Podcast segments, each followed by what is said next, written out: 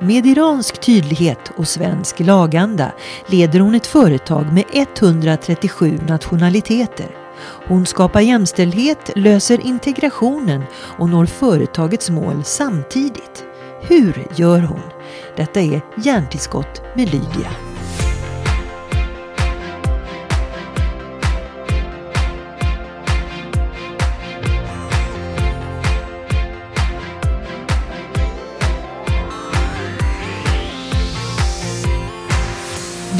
Asita, när, när det är så fascinerande att tänka på dig som 20-åring i Sverige.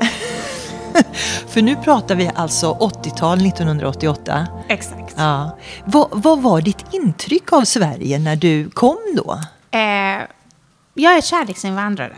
Eh, så att jag kom hit på grund av kärleken. Jag träffade min nuvarande man eh, när jag var 15 och han var 17 år i skolan i Iran. Eh, och då i, vi träffades i ett land där kärlek var förbjudet. Det innebär att vi kunde inte träffas eh, som våra ungdomar gör idag. Eh, så det var i smyg eller det var hemma hos någon eller vi kunde gå på en restaurang men vi var tvungna att sitta vid olika bord.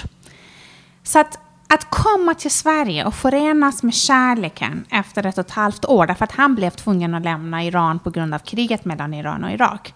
För mig det var en dröm som verkligen gick i uppfyllelse. Så det var en fantastisk känsla. Så att om Sverige, egentligen hade jag ingen bild. Det kunde vara vilket land som helst. Men jag är väldigt intresserad att läsa. Och eh, när jag var i Iran, då en av eh, böckerna som jag verkligen älskade och hade läst mer än kanske 10-20 gånger, det var Desires, drottning Desirées dagbok. Är det sant? Och då fastnade, när jag fick veta att okej, okay, nu har han flytt till Sverige, då fastnade jag på hennes beskrivelse när hon kommer till Sverige, till Helsingborg, till isbjörnarnas land. Mm. När det är sex månader dag och sex månader eh, natt. Den bilden har jag i huvudet och fortfarande känner jag att det är fantastiskt, bara vi kan förenas. Och sen kommer jag till Göteborg och vi vet att när det inte regnar i Göteborg, då är det Göteborg fantastiskt. Alla är glada, det är en augusti månad. Alla är glada, solen skiner och allting är så fint och fräscht så att på kvällen när jag ringer till min mamma, jag är helt chockad. Av den bilden kommer jag till den här världen. Då säger mamma, vet du vad? Det är så fint i Göteborg. I Sverige, de tvättar sina träd. Så rent är det. Och jag är säker att mamma har berättat det här för många. Så att nu är det en sanning att det är Sverige. Men, så det var helt motsats mot den bilden som jag hade i mitt huvud. Och verkligen väldigt positiv. Och jag är oerhört tacksam att jag har fått komma till det här landet och växa här. Du, fantastiskt sätt att börja den här podden på. Eh, välkommen till Hjärntillskott med Lydia, uh, Asita Shariati. Uh, bara för att lyssnarna ska hänga med mm. i vem Desiree var. Det var Napoleons, uh, förlåt, det var Bonapartes eller var det? Ja, det var Napoleons älskarinna. Så var det, just det. Men Bonapartes fru kan man säga. Mm. Mm. Jättebra bok för övrigt. Eh, men Asita, Eh, det, jag skulle ändå innan vi pratar om eh, det som du verkligen har fått väldigt många utmärkelser för, nämligen ditt ledarskap, så vill jag ändå eh, nämna en, eh, en, eh, ett ögonblick som du hade i Göteborg vid Frölunda torg 1988 eh, när du ska ta hissen upp mm. till din blivande man som mm. var student där då.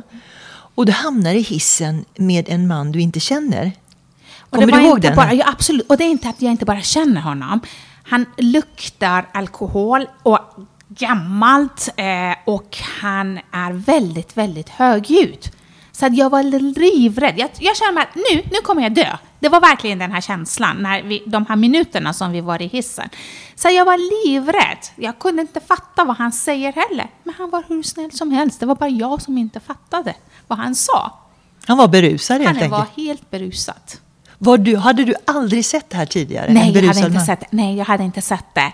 Eh, jag hade hört det, jag hade läst om det, men på så nära. Och den här lukten, det hade jag inte heller. Så att för mig, wow, nej, det är en av de här, kan man säga, ögonblickarna som jag inte glömmer. Men jag lärde mig någonting också. Att när jag fattade att han var inte farligt, han till och med ville hjälpa mig, att inte dra slutsatser bara beroende på hur folk ser ut. Det, är, det var min okunskap. Det var jag som inte fattade vad han sa. Men jag, fatt, jag la honom i en box. Han var farligt. Han var inte bra. Han var, det var allt dåligt om honom i mitt huvud. Mina fördomar. Du hade själv fördomar, det Ja, som du idag predikar man inte ska ha. Och det har jag massor redan idag också. Så jag tror att eh, man blir all, tyvärr blir man aldrig av med sina fördomar. Man kan bli bara bättre. Man kan bli mer medveten om dem. Då måste jag fråga dig, vilken är din senaste fördom som du har blivit av med? Kommer du på någon sådan? Ja, det är, det är jag. Eh, Jag träffade en, eh, en person i, i veckan. Eh, jag var i Paris, eh, kom hem faktiskt igår kväll. Eh, träffade en ny medarbetare, jag var på Sodexos huvudkontor, och en person som kom in i rummet som jag trodde att han är... Han såg på visst sätt. Han, indisk ursprung. Så jag tror att men han är en som kan hjälpa mig med min dator. För jag, jag hade lite svårt eh, att eh, få igång min dator. Och sen eh, försöker jag och tittade runt i rummet och sen tittar, ser jag honom och tänker att han måste vara en IT-kille. I min enfald är att, okej, på grund av att han har en indisk bakgrund, de är väldigt IT. Alla indier är duktiga Ja, på, IT. internet. Och sen han väldigt artigt kommer fram till mig att säga att ja, absolut, jag ska hjälpa dig, men egentligen, eh, jag, jag kan inte det så, eh, så- så jättebra. Och sen får jag höra att han är, eh, jobbar, har väldigt hög position inom HR. Det var min fördom, bara att jag trodde att på grund av att han har en indisk ursprung, då är han duktig på data. Och där hände igår, Ja, i hände- Paris. precis. Mm. Eh, du säger ju väldigt mycket att eh, arbetsgivare måste våga ge folk chansen. Mm. Hur ska man hitta folk som man vågar ge chansen när till och med du själv snubblar Mm. över fördomar varje dag? Det gör vi väl alla? Jag tror att vi behöver ändra eh, på hu- hur vi söker efter folk. Eh, och det handlar inte bara att leta efter kompetens. Generellt, vi är vana när vi vill ha någonting som är nytt. Vi pratar inte om nyttan av det. Vi pratar inte varför vi vill ha det. Men vi vill ha den här iPhone, vi vill ha den här IT-lösningen, vi vill ha då, då, den här rapporteringssystemet. Det är ett namn, ett varumärke som vi går på. Istället för att man bara tänker så här att okej, varför jag vill ha det? Vad är det krav? Vad är det kravspecen som jag har? Vad ska den här personen göra? Så att om man börjar därifrån, för att kunskap är jag övertygad att någonting som alla lär sig. Eh, om vi ska förvänta oss att vi ska anställa en person till, som till 100% motsvarar till våra krav, då är vi fel ute. Då har vi gjort en felrekrytering. Frågan är om vi kan hitta personer som vi ser redan idag att de har förmågan att utvecklas. De har rätta värderingar. Så att lägg mer tid för att rätta, leta efter bra personer med rätta inställningar, rätta värderingar. Allt kan man lära sig. Hur mycket idag jag som VD använder av mina kunskaper som jag läste Det är inte för mycket. 25 år Det är inte sedan. mycket, Nej, va? det är inte så mycket. Jag har lärt mig väldigt mycket. Jag kan lära mig, jag kommer att kunna lära mig ännu mer framöver tack vare alla de här hjälpmedel som finns och internet och allt som finns, det som jag kan, alla YouTube-kanaler och så. Men det handlar om att, okej, hur fattar jag mina beslut? Hur är jag som människa? Hur agerar jag mot andra? Det är det som är viktigt.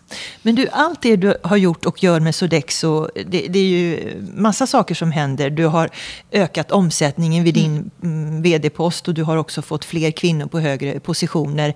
Eh, jag kan tycka så här, hur svårt kan det vara att göra det egentligen? Men det är ju en stor utmaning. Varför är du så bra på det?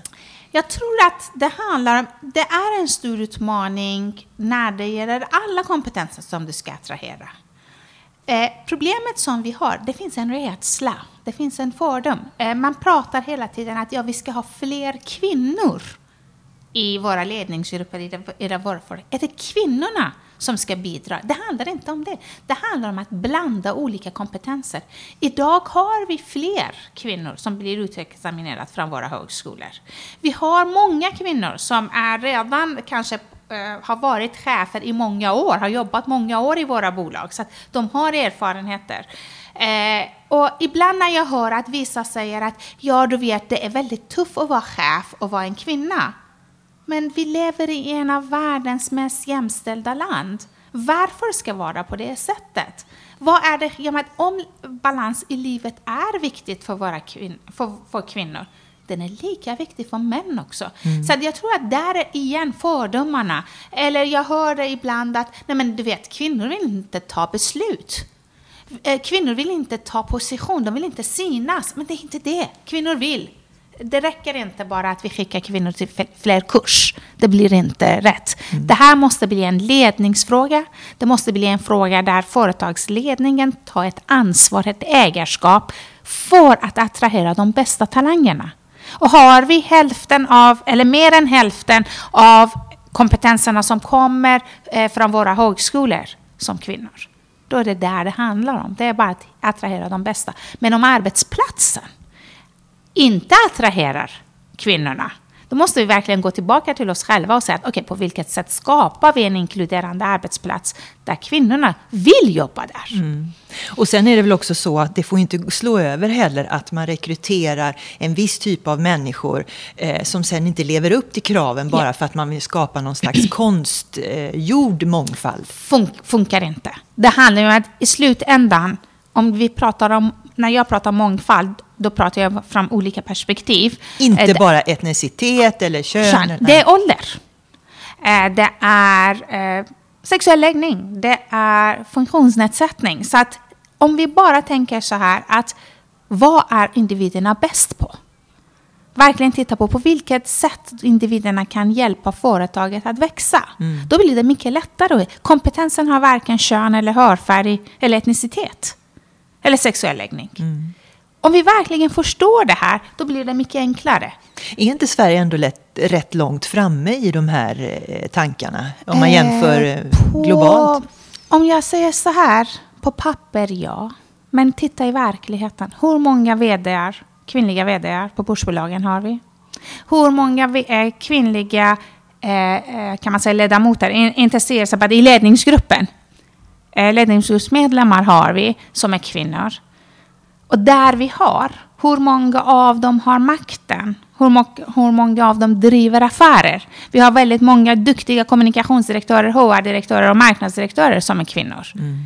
Men affärsområdeschefer, de som verkligen sitter med makten, pengarna finns. För att makt, pengar är makt. Hur många kvinnor har vi där? Mm då tror jag att, jag läste i alla fall förra året, eh, då var det, eh, jag tror att det var Dagens Industri som hade gjort en första sida där vi ligger ungefär på samma nivå som Italien och Spanien ligger. Mm.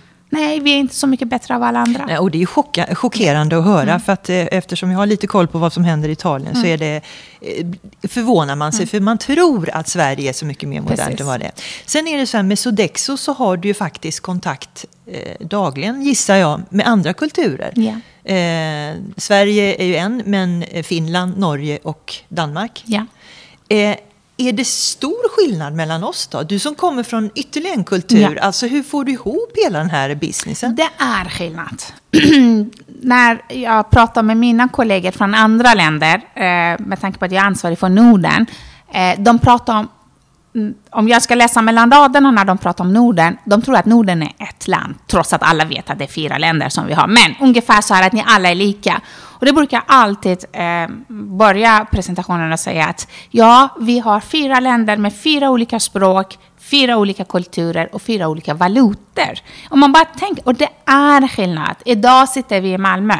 Eh, om jag tar bara tåget en halvtimme och åker till Köpenhamn, då är det en annan ledarskapsstil som krävs av mig. Eh, och en helt annat sätt att hantera affärer, Eh, stänga affärer, leda människor. Och jag tror att väldigt mycket går till om, tillbaka till bakgrunden. Ja, man, om man tittar danskar, det har varit den här handels, om man säger så, mindsetet att du agerar snabbt och du agerar, du stänger affärerna och den sitter kvar. Titta i Sverige, jag menar att vi har haft skogsindustrin, vi har haft de här långsiktiga sättet att arbeta och jobba på. Så den långsiktigheten som vi har i Sverige, nu generaliserar jag, man ser inte på det sättet i Danmark. I Danmark ska du fatta beslut, det ska Snabba vara rakt och snabba tydligt. puckar. Precis. Ja.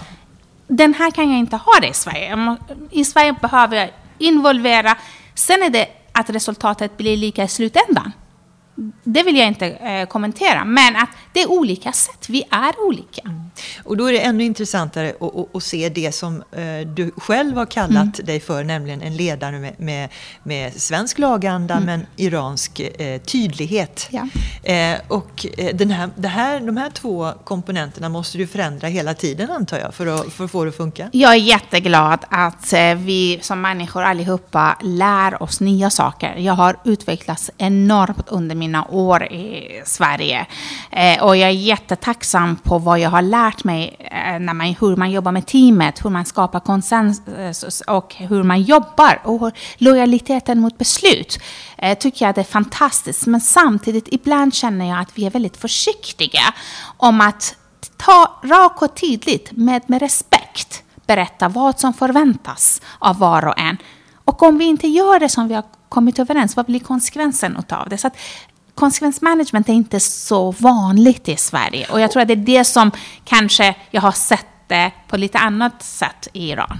Och det här kan man ju applicera på många sätt eh, och situationer i livet. Det är att om en grupp människor på jobbet eller familjen Mm. eller en annan grupp kommer överens om en sak i ett rum, då ska man hålla det när man lämnar rummet. Precis. Och det här du menar att det är lite svagt just i, i landet vi lever i nu när det gäller Nej, affärskultur? jag tycker att man har konsensus, men ehm, om jag går tillbaka till det vardagliga jobbet, eh, och du vet att det finns en del som levererar som de ska, och de, de gör det alltid, och det finns en del som gör eh, precis som de vill. Men den här konsekvensen, vad händer om du inte gör det? Den, vi är inte så jättebra i Sverige. Jättebra om du gör det, men vi berättar inte vad händer om du inte gör det. Eh, Så att där tror jag att eh, det som jag ser att jag har det med mig, från mitt, eh, om man säger så, den kulturen som jag kommer ifrån, att jag berättar redan från första början, det här är det som jag förväntar mig av dig. Det här är det som vi ska, är vi överens eller inte? Eh, och då vill jag att du ska leverera det. Och blir det inte leverans, då blir det en feedback på det. Eh, så att det här att vara rädd när det gäller konflikter. Att inte berätta att, ja men vad var det som vi kom överens och varför har du inte levererat? Det är jag inte rädd för. Du vet ju, det här påminner väldigt mycket om den dialogen man har med sina tonåringar. Mm. Ja, ja, precis. Mm. det är ungefär samma sak. Eh, du, jag tänker ehm, eh, när det gäller ledarskap så vill jag ändå gå tillbaka till ett namn som du ofta nämner i alla möjliga Mm. sammanhang. Och nu blir det nästan en kärleksförklaring när man hör hennes namn. Marianne. Ja. Marianne i ditt liv var ju så otroligt betydelsefull för hon gav dig chansen då för många år sedan, kanske det riktiga jobbet du hade. Ja, Liksom. precis. Men hur ska man bli fler Marianne? För det var ju en slump. Hon, hon såg ju en kvinna som var envis, som ville ha ett jobb. Mm. Eh, men alla kanske inte har den envisheten. Men, men hur får man fler Marianne att våga ge folk chansen? Jag tror att det går tillbaka till oss själva. Vill jag göra en skillnad eller inte? Vill jag skapa en bättre värld? Jag tror att vi måste börja där. Nej, alla kan inte kanske eh, hitta personer som efter ett, eh, kanske 25 år eh, blir ett företagsledare i Sverige. Men om jag kan hjälpa en individ att bli bättre, att lära sig någonting nytt, att få en identitet, då skapar man den här möjligheten. I vårt företag förra året, eh, vi diskuterade med tanke på att en av de här största utmaningarna som vi har i Sverige just nu är att eh, vi har eh, lite problem med att få en nyanlända i arbetet. Eh, och jag tog det här exemplet när jag pratade med mina chefer och sa att men tänk så här att vi ska hjälpa andra att få en bättre vardag, en bättre morgondag. Om vi börjar där. Vi behöver hjälpa fler personer komma in på arbetsmarknaden, att lära sig olika koder, sociala koder som finns, att skapa ett CV för de här människorna. Det handlar om inte att anställa dem, det är inte det det handlar om. Hur kan vi hjälpa fler komma in på arbetsmarknaden, att de får en identitet? Därför det handlar om det här, och vi kan bli det första jobbet för dem. Så att på ett år fick vi 200 nyanlända som inte kunde språket, som inte kunde de här sociala koderna i Sverige i vår verksamhet. Och vi har anställt många av dem.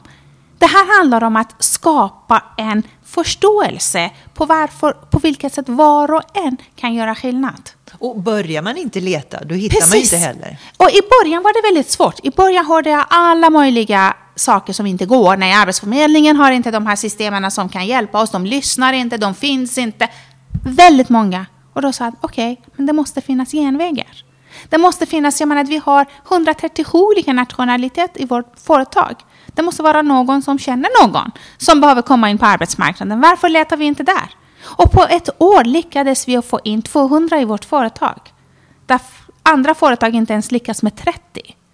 Det är på grund av att vi ville göra skillnad. Vi ville göra vardagen bättre för någon annan. Mm. Och självklart att vi som företag har fått massor med fantastiska eh, lojala medarbetare. Och sen kan man också säga så här, det är olika nivåer ute i arbetslivet, men det här är ju en fantastisk start. Men jag har, jag har olika nivåer. Jag har personer med dubbla examen eh, som jobbar i mitt bolag och sen jag har personer som inte ens kan på bra sätt läsa och skriva. Mm. Så att det finns möjligheter för alla. Och jag tror att den här möjligheten finns i alla bolag. Det finns inte, man kan, jag tror inte att det finns något bolag som säger att vi är så speciella så att ingen annan eh, om man säger så, uppfyller de krav som vi har. Har detta förändrats, den här attityden mot just det du säger idag i Sverige?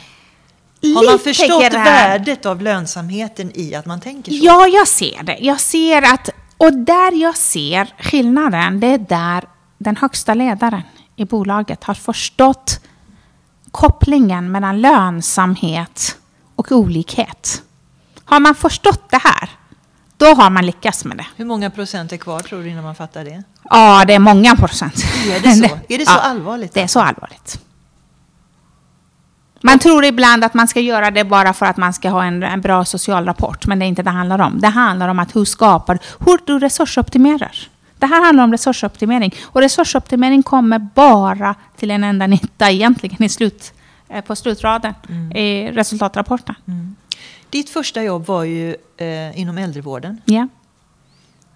Hur upplevde du den svenska äldrevården med tanke på det du själv hade sett från Iran? Jag tyckte att det var, faktiskt om jag går tillbaka då på 30 år sedan, eh, jag var fascinerad. Det var väldigt bra. Eh, det var ett servicehus som tyvärr inte finns idag, som jag jobbade. Och det är väldigt synd. Eh, det enda som jag var ledsen för, eh, det var när jag såg att anhöriga besökte inte sina Eh, föräldrar och, eller farföräldrar ofta. Eh, och det, för mig var det en stor skillnad eh, från det land jag hade kommit där far och morföräldrarna var väldigt nära familjen.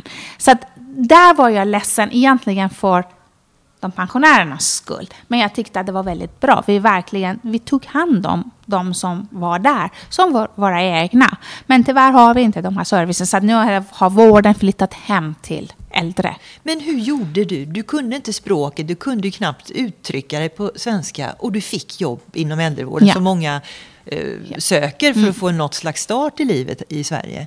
Det handlar om att ha respekt för de äldre. Ja, vi pratar fortfarande om människor. Det handlar om människor. Eh, jag kunde så mycket som jag kunde på något sätt kontakta dem. Sen hade jag mina kollegor som också hjälpte mig i det här. Jag kommer väl ihåg en dag skulle vi, precis det var när jag började, eh, då skulle vi gå in hos en av de eh, äldre damerna som var där i det här servicehuset. Och min kollega sa det till mig att bli inte ledsen, hon är väldigt sur och hon vill inte att någon ny kommer. Och nu ser du annorlunda ut också, så det kan hända att du inte får ens komma in i rummet. Var förberedd för det här. Jaha, eh, sa jag. Eh, det, var inte, det var inte något konstigt för mig. Så att vi kom in i hennes rum, eh, vi öppnade dörren, hon tittar på oss eh, tittar på min kollega, hon var välkommen och hon tittade på mig och sa att du får inte komma i mitt rum. Eh, och jag var förvarnad, så att, eh, jag bara stannade där och tittade i hennes rum. Jag såg en persisk matta som låg på golvet. Och jag sa det till henne att Eh, får jag ta av mina skor när jag kommer in på ditt rum? Du har ett jättefin matta. Jag kommer från det här landet. Bara den här dialogen. När jag såg henne. De, jag jobbade där även somrarna. Tills hon levde. Jag var det enda som fick gå in till henne. Så att vi fick den här kontakten. Mm. Istället för att bli arg, istället för att bara känna att oj, nu tryckte hon så här hårt mot mig. Det var att jag måste hitta henne. Men du var ju också observant. Ja. Du försökte hitta en koppling till henne, vilket alla kanske inte heller har tid att göra, men du tog dig tiden. Nej, men jag tror att det behövs. Du behöver, ja, men I slutändan handlar det om människor. Det är vi det handlar om. Det handlar om att skapa relationer. Det handlar om att hitta gemensamma nämnare. Och vi har mer likheter än olikheter, faktiskt, om vi verkligen tittar på det. Du, lite eh, moral här då. Eh, I Sverige så finns det ett begrepp som heter eh, vit lögn. Eh, och eh, kan man tycka att det är okej med vita lögner som ledare om det gagnar syftet?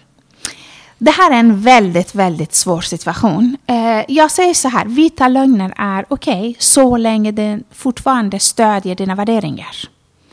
Så det finns inte någonting som är okej om du ska gå över dina värderingar. Fortfarande det här att det kan hända att någon har gjort någonting av misstag. Men du kan hantera det, du kan prata om det och hjälpa den här personen komma på rätt spår. Eh, så det, det säger jag så här att man måste titta från situation till situation, men man måste ha sina värderingar i, om man säger så, grunden. Testa den här mot den här värderingen. Stödjer den här fortfarande mina värderingar, tycker jag det är okej. För då är det samma sak om du får en vit lögn tillbaka. Ja. Nej, men det. ibland vet jag att jag får den i, i organisationen, men det säger jag ja, det är okej. Jag vet att de kommer att leverera i slutändan i alla fall. Det är roligt att- om de hör det här och vet att du vet om Ja. att du får vita lögner ibland. Eh, men det var lite så moralisk eh, fråga.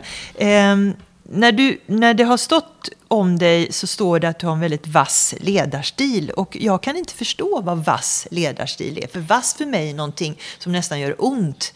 Eh, du borde nästan beskrivas på ett annorlunda sätt. Ja, men det här är, jag menar, självklart beroende på den personen, hur de har uppfattat. Eh, Men vass kanske ibland, jag är väldigt rak och tydlig med respekt. Kanske det är det som känns. När jag säger att saker och ting inte fungerar, jag, jag kan inte hålla tyst.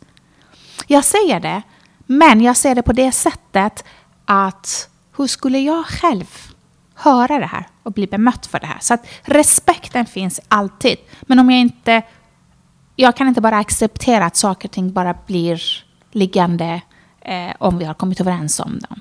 Och då kan jag ställa ganska höga krav. Hur länge vill du vara ledare på sånt här företag? Blir du inte sugen någon gång att testa dina förmågor i en konservativ bransch till exempel? Jag tror att jag har så mycket fortfarande att ge. Eh, jag har aldrig planerat för min karriär. Aldrig. När jag började på Sodexo för 20 år sedan, då trodde jag att jag kommer bara vara där i tre år. Därför att jag, det är min eh, övertygelse eh, att om du jobbar med en tjänst mer än tre år, då kommer du inte vara... Ja, du, du kommer att tappa, du blir en förvaltare och jag är inte förvaltare. Jag har förmånen att Sodex, i Sodexo byta tjänst var tredje år. Så att på Men nu det kommer- sättet... Nu kommer du inte högre. Nej. På det sättet har jag alltid försökt att leverera det som eh, jag eh, ja, blivit tillsagd och eh, leverera det som jag tycker att det är bäst för bolaget. Och jag har sett resultat utav det. Så att nej, några karriärplaneringar har jag aldrig haft, men jag har aldrig sagt nej heller. Så att i alla fall det som har varit i bolaget. Och jag jobbar i ett fantastiskt bolag med fantastiska människor. Du pratar alltid väldigt gott om det. Eh, och det är väl naturligt. Men jag tänker, eh, om man nu ska med utgångspunkt från din erfarenhet här. Vad skulle du vilja ge Sverige AB för råd för att fixa det här med allting? Att, att vi utnyttjar verkligen de människor som är i det här landet. Till Sverige AB Jag först. förstår. Om vi börjar med det först. Jag tror att då skulle jag säga att försök inte hjälpa alla.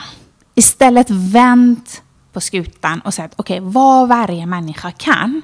Vi kan inte ha en universal lösning som gäller för alla. Pratar du Arbetsförmedlingen nu eller? Eh, Generellt, om vi bara tänker så här att om vi redan idag tänker att om vi bara pratar om 100 personer, av de här 100 personerna kanske 25 av dem kan vi direkt integrera, använda på bästa sätt. Låt oss göra det här.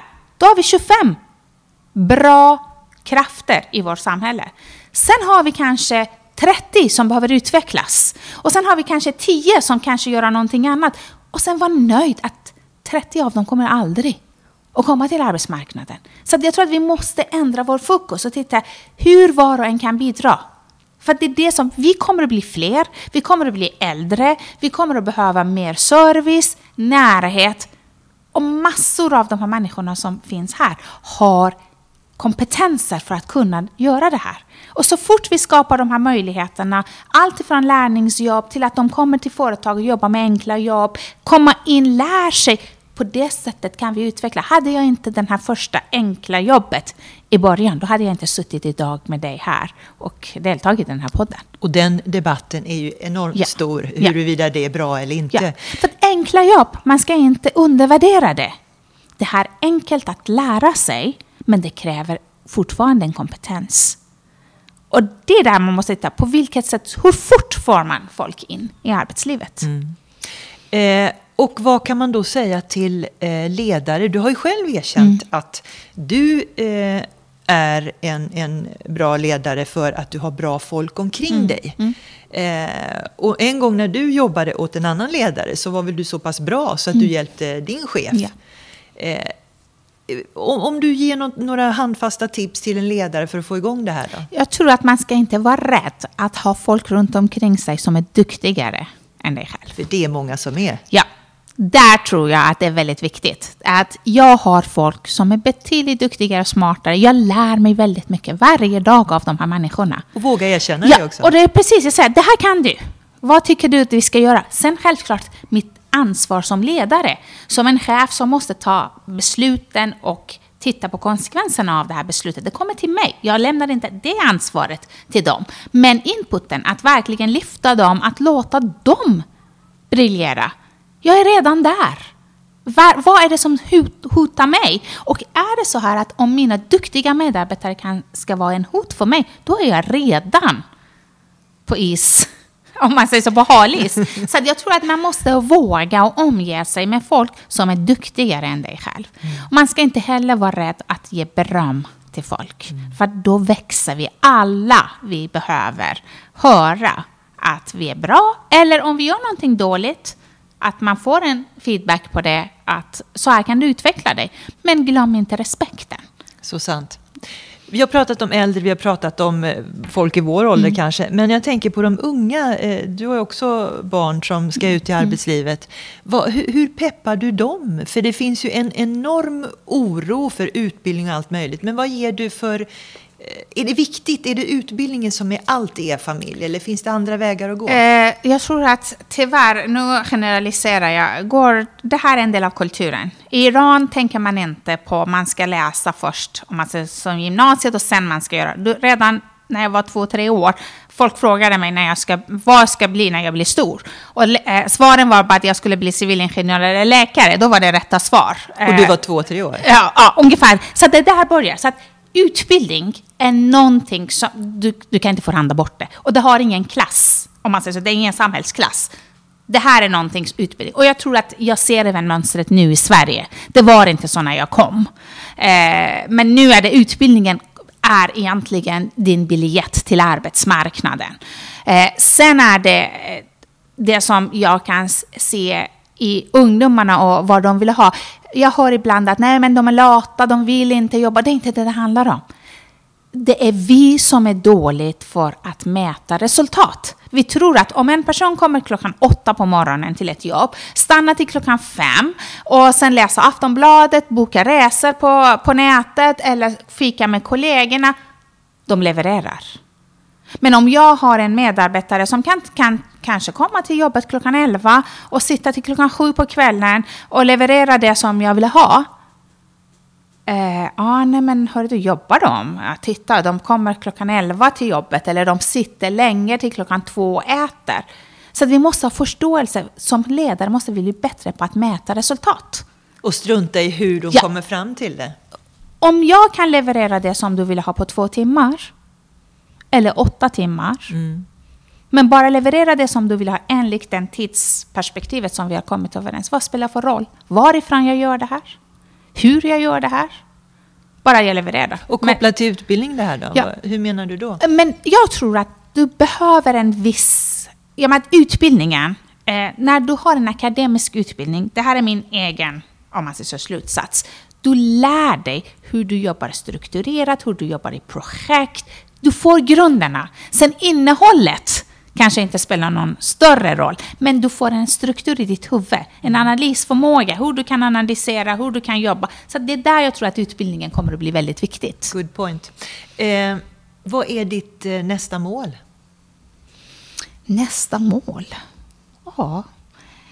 Du ska till Köpenhamn nu? Det nu ska jag till Köpenhamn. till sådär. Ja, det, jag ska träffa mina medarbetare där faktiskt, jag har inga konkreta mål på det sättet. Vad att jag skönt, säger att vad ja, skönt. jag lever i nuet. Jag lever i nuet, jag njuter av nuet.